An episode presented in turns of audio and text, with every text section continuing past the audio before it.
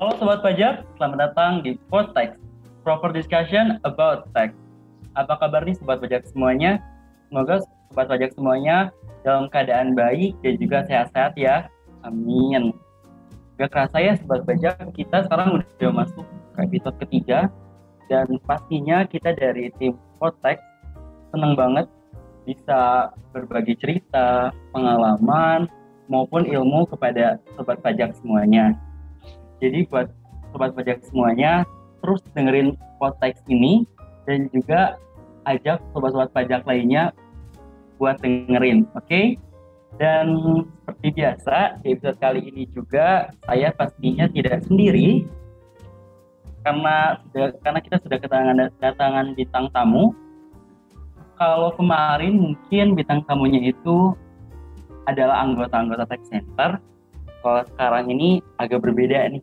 Kalau sekarang ini kita sudah bukan dari anggota tech center lagi bintang tamunya. Gimana nih? Kira-kira udah penasaran belum? Oke lah ya, tanpa membuang-buang waktu. Gak, mungkin langsung aja kita sapa bintang tamu kita yaitu di sini ada udah ada Kalidia. Halo Kalidia. Ya, halo Dik-Dik. Halo semuanya. Halo. Aduh, kayaknya sekarang udah lama banget nih nggak ketemu kali dia. By the way, Kak, uh, gimana nih kabarnya? Alhamdulillah, aku baik. Kamu gimana kabarnya? Alhamdulillah, baik juga dong, Kak. Nah, uh, kali ini ya. Uh, mungkin ini Kak, mungkin sebelum kita tanya lebih jauh, kayaknya sobat-sobat pajak kayak pengen kenal dulu deh sama kali dia kayak mungkin siapa sih kali dia itu gitu. Kayak boleh uh, dong ah. kenalan dulu sedikit. Oke okay, boleh. Hmm, halo semuanya. Uh, aku namaku Lydia Nur Atifa lulusan dari Universitas Singapura Bangsa. Aku angkatan tahun 2016 dan aku juga saat masih menjadi mahasiswa juga anggota dari uh, Tech Center Insika di tahun 2016 juga 2016 2017 baru masuknya. Dan sekarang aku udah banyak banget pengalaman yang aku dapat selama menjadi anggota Tech Center. Uh, dari ilmu perpajakan juga yang semakin bertambah terus pengalaman untuk sharing pengetahuan perpajakan seperti ikut relawan, terus uh, banyak lagi sih kegiatan kegiatan-kegiatan perpajakan yang positif banget dari uh, kegiatan di tech center sendiri. Udah kayak itu aja deh. Terkenal dari aku. Nanti kepanjangan. Gak apa-apa nggak apa-apa dong kak karena kan sobat pajak ini kan pastinya pengen kenal sama kali dia lebih uh, dalam lagi lebih jauh lagi. Nah hmm. jadi sekarang sobat pajak lihat dulu ya bahwa dia itu. Uh, sekarang uh, adalah lulusan fisika dan juga demisioner tech center. Nah kak uh, kalau sekarang kakak lagi sibukannya apa nih kak? Sibukannya setelah lulus ini?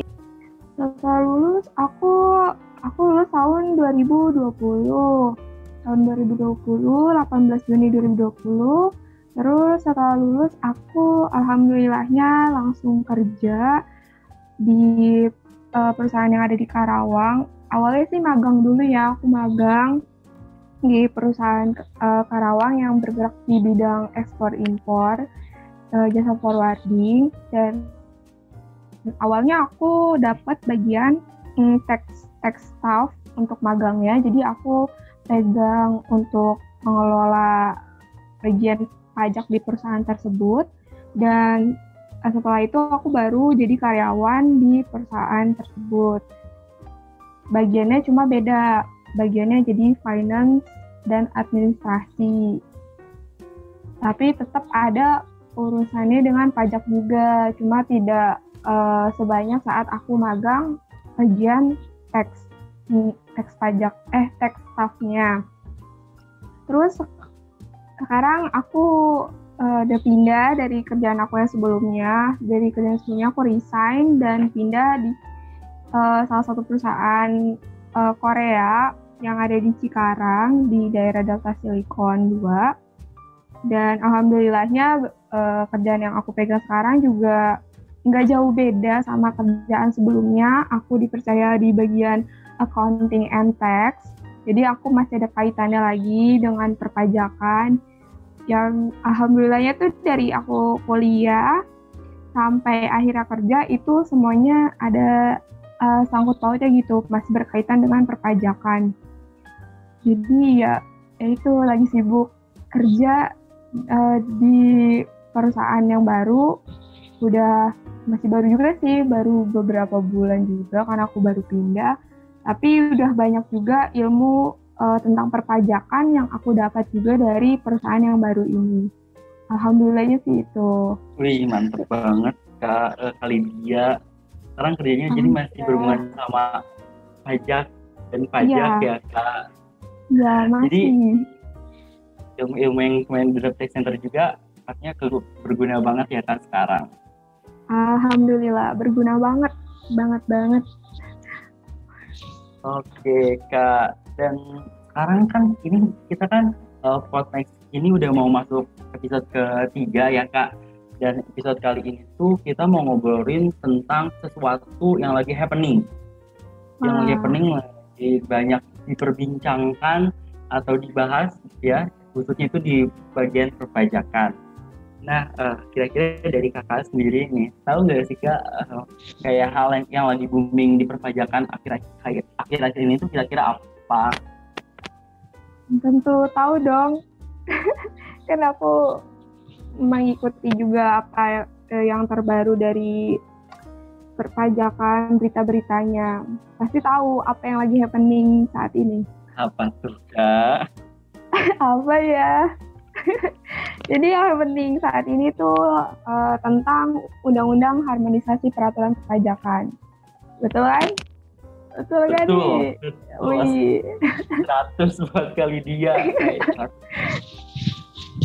Iya, benar banget nih Kak ya. Uh, yang lagi happening di perpajakan ini adalah tentang undang-undang harmonisasi peraturan perpajakan atau UU HPP yang baru aja disahkan pada tanggal 7 Oktober uh, kemarin. Tapi mungkin uh, untuk obrolan kali ini kita mau bahas tentang salah satu isi nih kak nih dari undang-undang HPP ini yang lagi rame banget diomongin yaitu tentang NIK yang fungsinya itu jadi NPWP. Jadi uh, itu tuh dalam satu uh, KTP jadi nomornya itu uh, satu tapi jadi udah bisa jadi NIK sama NPWP sekaligus. Nah uh, ngomong-ngomong tentang NPWP juga kak, kakak mm-hmm. sebelumnya udah punya NPWP belum? Uh, tentu udah dong, aku udah punya NPWP. Udah oh berarti udah punya NPWP ya? Mantap udah. Kira, nah kak kalau kakak bikin NPWP sendiri itu dari kapan kak? Aku buat MPP tuh dari tahun 2020 dari pertama kali aku mau kerja. Jadi lulus lulus kuliah kan langsung kerja itu aku langsung buat NPWP. Nah, uh, Kak, kan kan Kakak kan udah bikin NPWP dari tahun 2020. Nah, tapi pada awalnya Kakak itu buat NPWP itu buat apa? Aku buat NPWP itu karena aku punya planning untuk langsung uh, kredit rumah. Jadi aku udah kerja, aku udah punya planning aku mau beli rumah secara kredit dan kalau misalnya aku beli rumah secara kredit tuh uh, kita memang diharuskan untuk punya NPWP salah satu persyaratannya. Makanya jadi aku juga uh, langsung uh, mengurus untuk membuat NPWP. Itu sih kurang lebihnya alasan aku membuat NPWP. Waduh, mantep banget nih planningnya. Udah jauh banget, udah berpikir ke depan banget nih ya. Semoga uh, planning-planning kakak ke depannya ini bisa terwujud ya kak. Amin. Terima kasih. Sama-sama.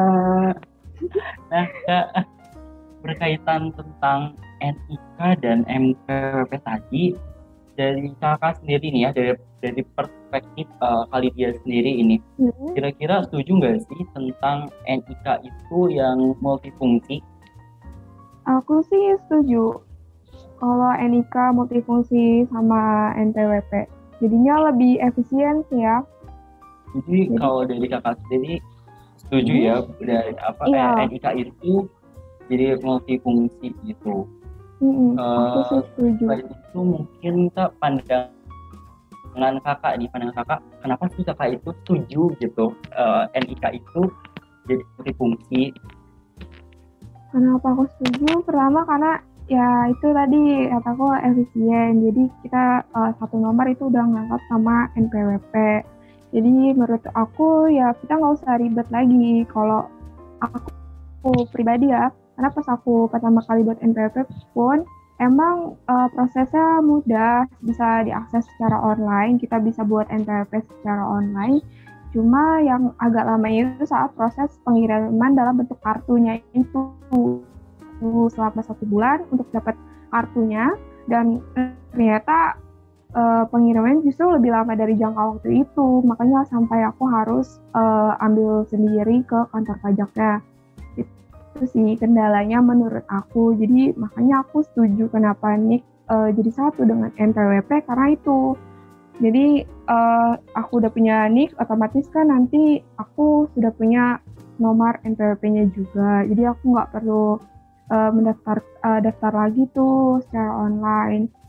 Terus selain itu juga kan jadi uh, simpel ya, kayak aku cuma butuh satu kartu aja nih, nik sama NPWP karena sudah digabung. Terus aku nggak perlu ribet-ribet lagi kayak yang tadi aku bahas karena kan aku harus nunggu tuh selama satu bulan lebih untuk dapat kartunya. Kalau sudah jadi satu kan jadinya aku udah punya satu kartu ya udah itu udah merangkap sama uh, kartu NPWP aku. Nikah digabung sama NPWP jadi uh, gampang terdata juga sih untuk uh, wajib pajak. Kan biasanya kalau misalnya uh, kita nik sama NPWP-nya dipisah kita baru uh, menjadi wajib pajak itu kan kalau kita sudah memiliki NPWP, sudah registrasi di kantor pajak kan untuk pembuatan NPWP itu baru kita uh, sebagai wajib pajak kan kalau ini kalau NIK dan NPWP-nya digabung jadinya otomatis kita sudah menjadi wajib pajak gitu. Jadi nggak perlu ribet ribet lagi untuk uh, ke kantor pajak untuk pembuatan kartu NPWP-nya lagi. Karena udah langsung jadi satu sama NIK-nya gampang apa ya uh, jadi lebih mudah sih menurut aku kalau jadi satu kartu. Pandangan aku sih gitu. Aku ini cukup setuju dengan uh, apa dengan uh, pendapat dia tadi mengenai uh, apa mengenai yang NIK dan NPWP itu digabung jadi satu uh, tapi di sini uh, tapi di sini sebenarnya aku masih ada beberapa apa ya mungkin bilang mungkin nggak aku aja mungkin ada juga mungkin sobat pajak juga nih ya yang lagi dengerin yang rasa juga kekhawatiran kayak aku gitu mm-hmm. itu kayak misalkan nomor NIK nomor NIK itu kan berisiko kebocoran yang tinggi ya kak karena yeah. yang kita tahu kan gitu kan kita kayak beberapa kali gitu kan uh, saat itu misalkan di e-commerce ataupun di website lainnya pernah terjadi kebocoran juga lalu kan jika NIK ini bocor kan kan data itu pasti tersebar makin banyak karena terintegrasi dengan hmm. dengan pajak ini ya terus juga pasti uh, apa ya pasti uh, butuh waktu adaptasi juga nih ya yang cukup lama perpindahan dari yang awalnya yang dipisah itu sekarang jadi digabung NIK sama uh, NPWP-nya sama pasti itu nanti penyesuaian database antara NIK dan sebagian itu saya tadi membutuhkan waktu sama satu lagi sih ya sama satu di dompet nih ya di dompet kartunya makin berkurang. Jadi kalau nggak ada uang itu makin kelihatan tipis gitu dompetnya iya sih benar. Aku waktu juga itu. Jadi dompet aku kelihatan tipis. Kalau nggak punya uang nah. makin kelihatan ya dik-dik betul betul banget kak. Aduh. Nah, kak, kayak dari mungkin dari pandangan-pandangan atau dari kekhawatiran-kekhawatiran hmm. uh, yang aku rasakan dan mungkin sobat pajak rasakan itu uh, kalau dari kali dia sendiri tanggapannya itu gimana nih kak?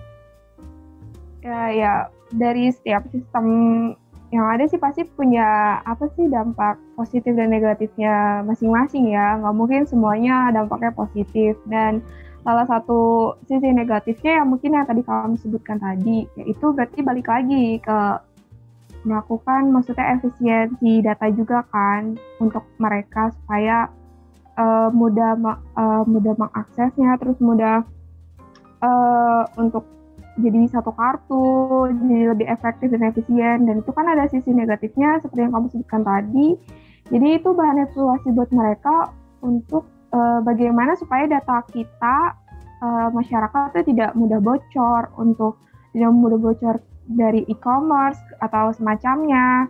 Jadi ya harus uh, semakin dikembangkan ya jadi dari sistemnya segala macam itu harus benar-benar dipikirkan juga oleh pemerintah dan uh, solusinya seperti apa untuk me mengatasi kekhawatiran masyarakat, kekhawatiran wajib pajak supaya data NPWP uh, eh, atau data perpajakan wajib pajak itu tidak diketahui oleh orang lain karena kan pasti semua data wajib pajak itu kan bersifat sangat-sangat rahasia.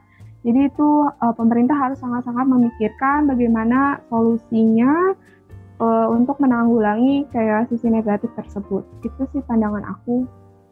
Jadi harus benar-benar dievaluasi-evaluasi terus perkembangannya seperti apa supaya uh, apa sih peraturan perpajakan yang baru ini tuh bisa berjalan dengan baik uh, dan meminimalisir dampak-dampak negatif yang ada. Itu sih pandangan aku.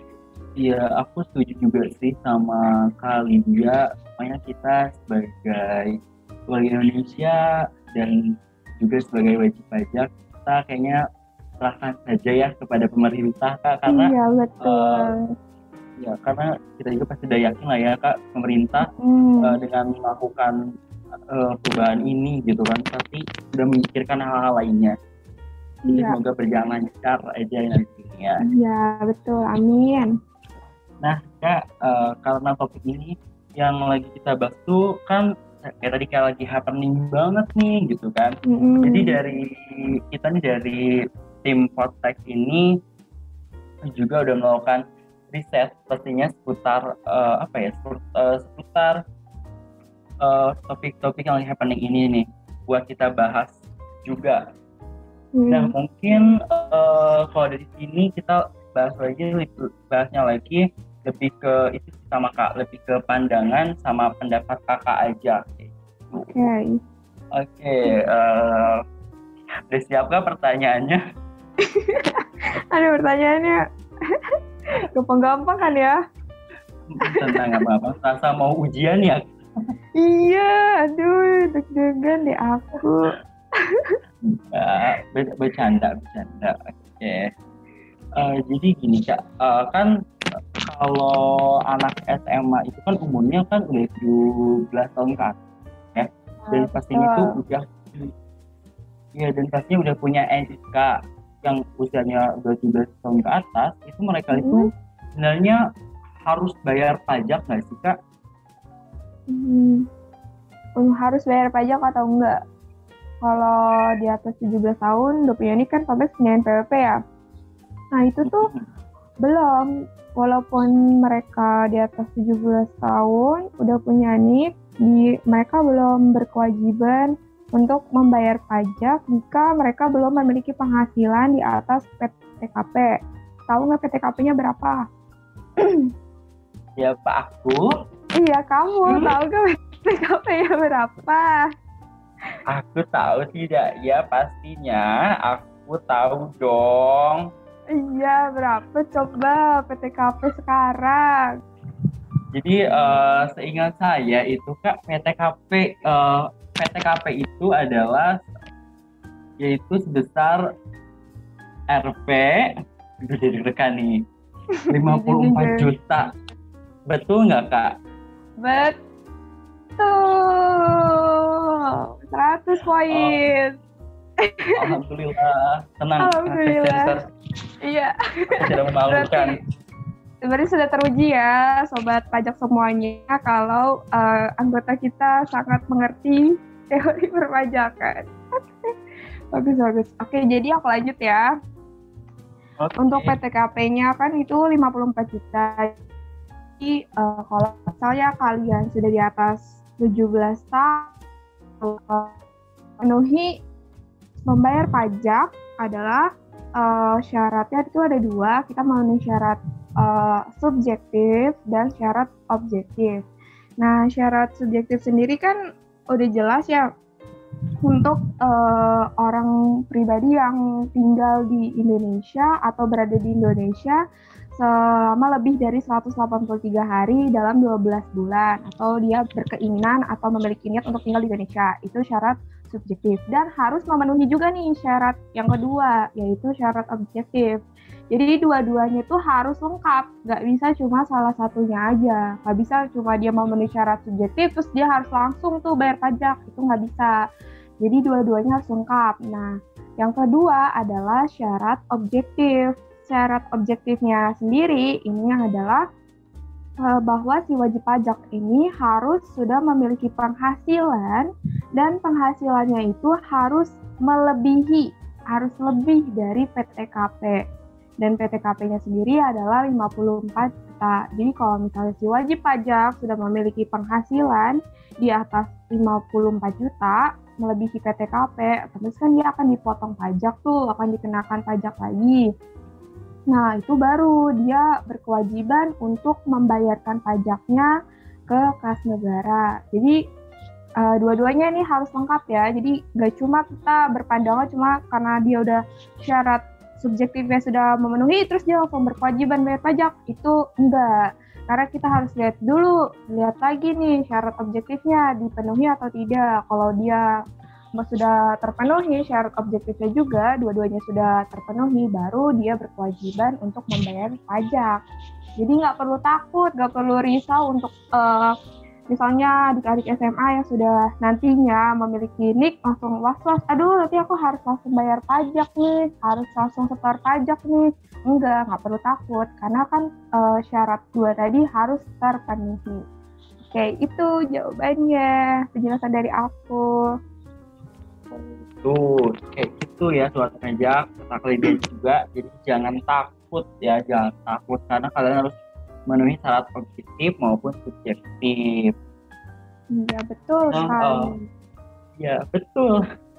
Nah kak buat NIK itu kan ada itu untuk orang pribadi, mm-hmm. uh, ada untuk orang pribadi. Nah terus uh, wajib pajak badan itu gimana nih kak khususnya untuk untuk misalkan untuk wajib badan perusahaan apakah digabung juga atau apa atau enggak kalau untuk yang ini digabung dengan NPWP itu hanya uh, atau dikhususkan untuk uh, wajib pajak yang orang pribadi saja. Jadi cuma untuk wajib pajak orang pribadi dan untuk uh, wajib pajak badan kita tetap menggunakan NPWP yang biasa yang pakai kartu.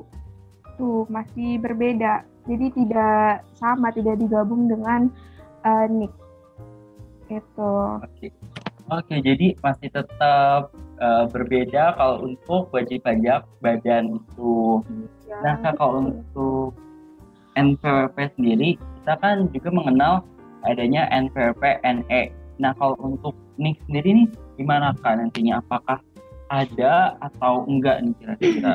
Untuk NIK dan NPWP yang sama itu jadi hanya nomornya aja. Jadi untuk di database nanti tuh pasti tetap beda. Jadi untuk database NIK dan NPWP itu pasti akan dipisahkan ya. Jadi untuk NPWP yang menggunakan nomor NIK tetap ada istilah NPWP aktif dan NPWP non efektif. Oke. Nah, Kak, uh, ini mungkin karena apa ya? Karena mungkin waktu juga ya kayak waktu juga. Karena saya masih pengen banget nih uh, bahas-bahas lebih lanjut lagi mengenai apa mengenai perpajakan ini mengenai uh, mengenai pembahasan kita kali ini tapi karena waktu juga ya ke bukan durasinya mm-hmm. durasi gitu jadi uh, ini ada satu pertanyaan terakhir nih kan nih dari mm. saya okay. jadi ini kan pertanyaannya itu kalau di pinjol ya kak tahu kan hmm. pinjol kak iya tahu hmm. nah kalau pinjol itu kan punya data NIK. Nah, Kak. Nah, uh, mm. apabila memang nantinya NIK digabung dengan NPWP, apakah data NPWP-nya itu uh, menurut kakak bakal bocor nggak sih? Dan itu uh, serem nggak misalnya kakak kalau sampai bocor? Kalau sampai bocor ya tentu serem. Cuma ya balik lagi ke obrolan kita yang di awal ya. Kan maksudnya dari segala sistem segala macamnya itu kan masih perlu evaluasi dari pemerintah juga untuk meminimalisir kendala seperti ini seperti yang pinjol gimana caranya supaya kalau misalnya ini data kita tuh tetap aman dan uh, tidak terjadi kebocoran. Dan langkah yang paling aman ya kita jangan pinjam online. Jadi kan kita nggak akan mereka tahu. Jadi ya sebisa mungkin kita jangan melakukan pinjam online karena kan itu sangat-sangat berbahaya ya kan? Jadi buat sobat-sobat semua kalau misalnya nggak punya uang atau apa usahakan meminimalisir sedemikian rupa lah jangan sampai kita melakukan pinjaman secara online karena bunganya juga kan kita nggak ada yang tahu ya selain data kita yang kurang aman dan akan bisa bocor tentunya bunga dari pinjaman online itu uh, pastinya cukup tinggi. Nanti bisa membahayakan diri kita sendiri juga. Bisa aja nanti malah jadi kelilit utang segala macam. Terus datanya juga takutnya nanti bocor atau bagaimana. Jadi sebisa mungkin jangan melakukan pinjaman online. Kalau misalnya lamaran kerjanya pun tidak jelas dan uh, belum tahu sumbernya dari mana, itu jangan pernah mencantumkan namanya nomor nik atau sampai difotoin nomor niknya itu untuk meminimalisir juga terjadinya hal-hal yang mengkhawatirkan seperti ini gitu. Nah kayak gitu tuh sobat pajak ingat ya pesan dari kali dia ini oke okay? pokoknya pokoknya diusahakan dulu kalau untuk meminimalisir uh, hal-hal seperti ini diusahakan dulu tidak apa ya tidak usah meminjam secara online dan ingat tadi jangan pernah menyebar info nik. Ya hmm, betul ya kak? Betul, betul banget. Hati-hati juga sama lowongan kerja gitu. Takut disalahgunakan. Betul kak. Dan ini ya kak, jadi karena banyak banget juga ya kayak kayak penipu kayak penipu penipu yang pakai apa yang pakai embel-embel lowongan kerja padahal itu iya. ternyata mau ngambil data pribadi kita ternyata ya. nah, ya. itu juga sangat berbahaya. Jadi benar-benar memilih uh, memilah memilah kayak informasi, memilah uh, sumber-sumber informasi juga kayak dapat lowongan kerja ini harus jelas juga ya lowongan kerjanya dari mana, dari perusahaan langsung kah atau dari hmm, website-website yang memang khusus untuk rekrut uh, uh, karyawan. Jadi benar-benar harus di cross check uh, dengan sangat pasti sumbernya itu dari mana di perusahaan, pasti dia mungkin akan mencantumkan kayak syarat-syarat tertentu yang harus kita lampirkan.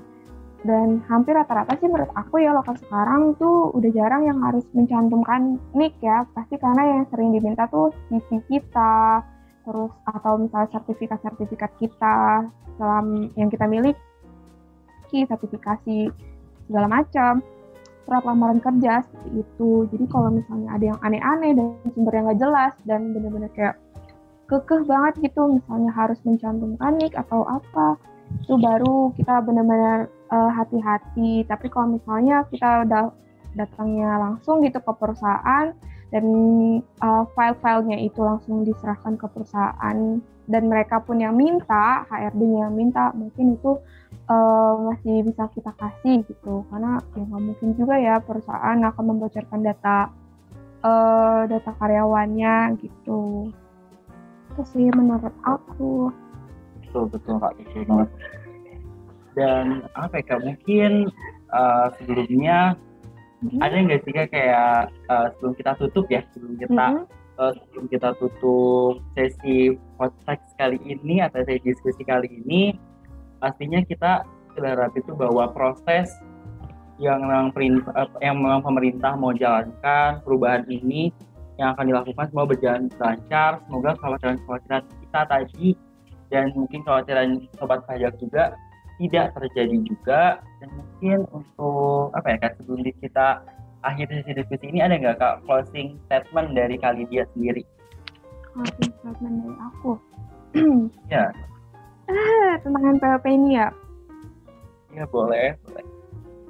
Closing statement dari aku, ya semoga maksudnya program pemerintah ini bisa benar-benar membantu untuk masyarakat banyak dan mempermudah juga untuk para wajib pajak, terutamanya yang uh, karyawan ya. Karena kan dengan digabungnya NIK menjadi NPWP ini otomatis kita uh, sebagai karyawan itu akan lebih mudah juga dan untuk misalnya dalam uh, potongan pajak penghasilan untuk PPh 21-nya kan akan sangat berbeda ya untuk yang karyawan memiliki NPWP dan tidak memiliki NPWP karena ini sudah digabung jadinya pasti akan lebih mudah jadi otomatis untuk setiap karyawan yang tadi sudah memenuhi dua syarat tadi uh, udah bisa uh, mendapatkan kayak tarif pajak yang mungkin lebih kecil dibandingkan yang tidak memiliki NPWP. Karena kan kalau kita tidak memiliki NPWP, otomatis untuk tarif pajak penghasilan yang dipotong juga akan jauh lebih tinggi, itu uh, sekitar 20%.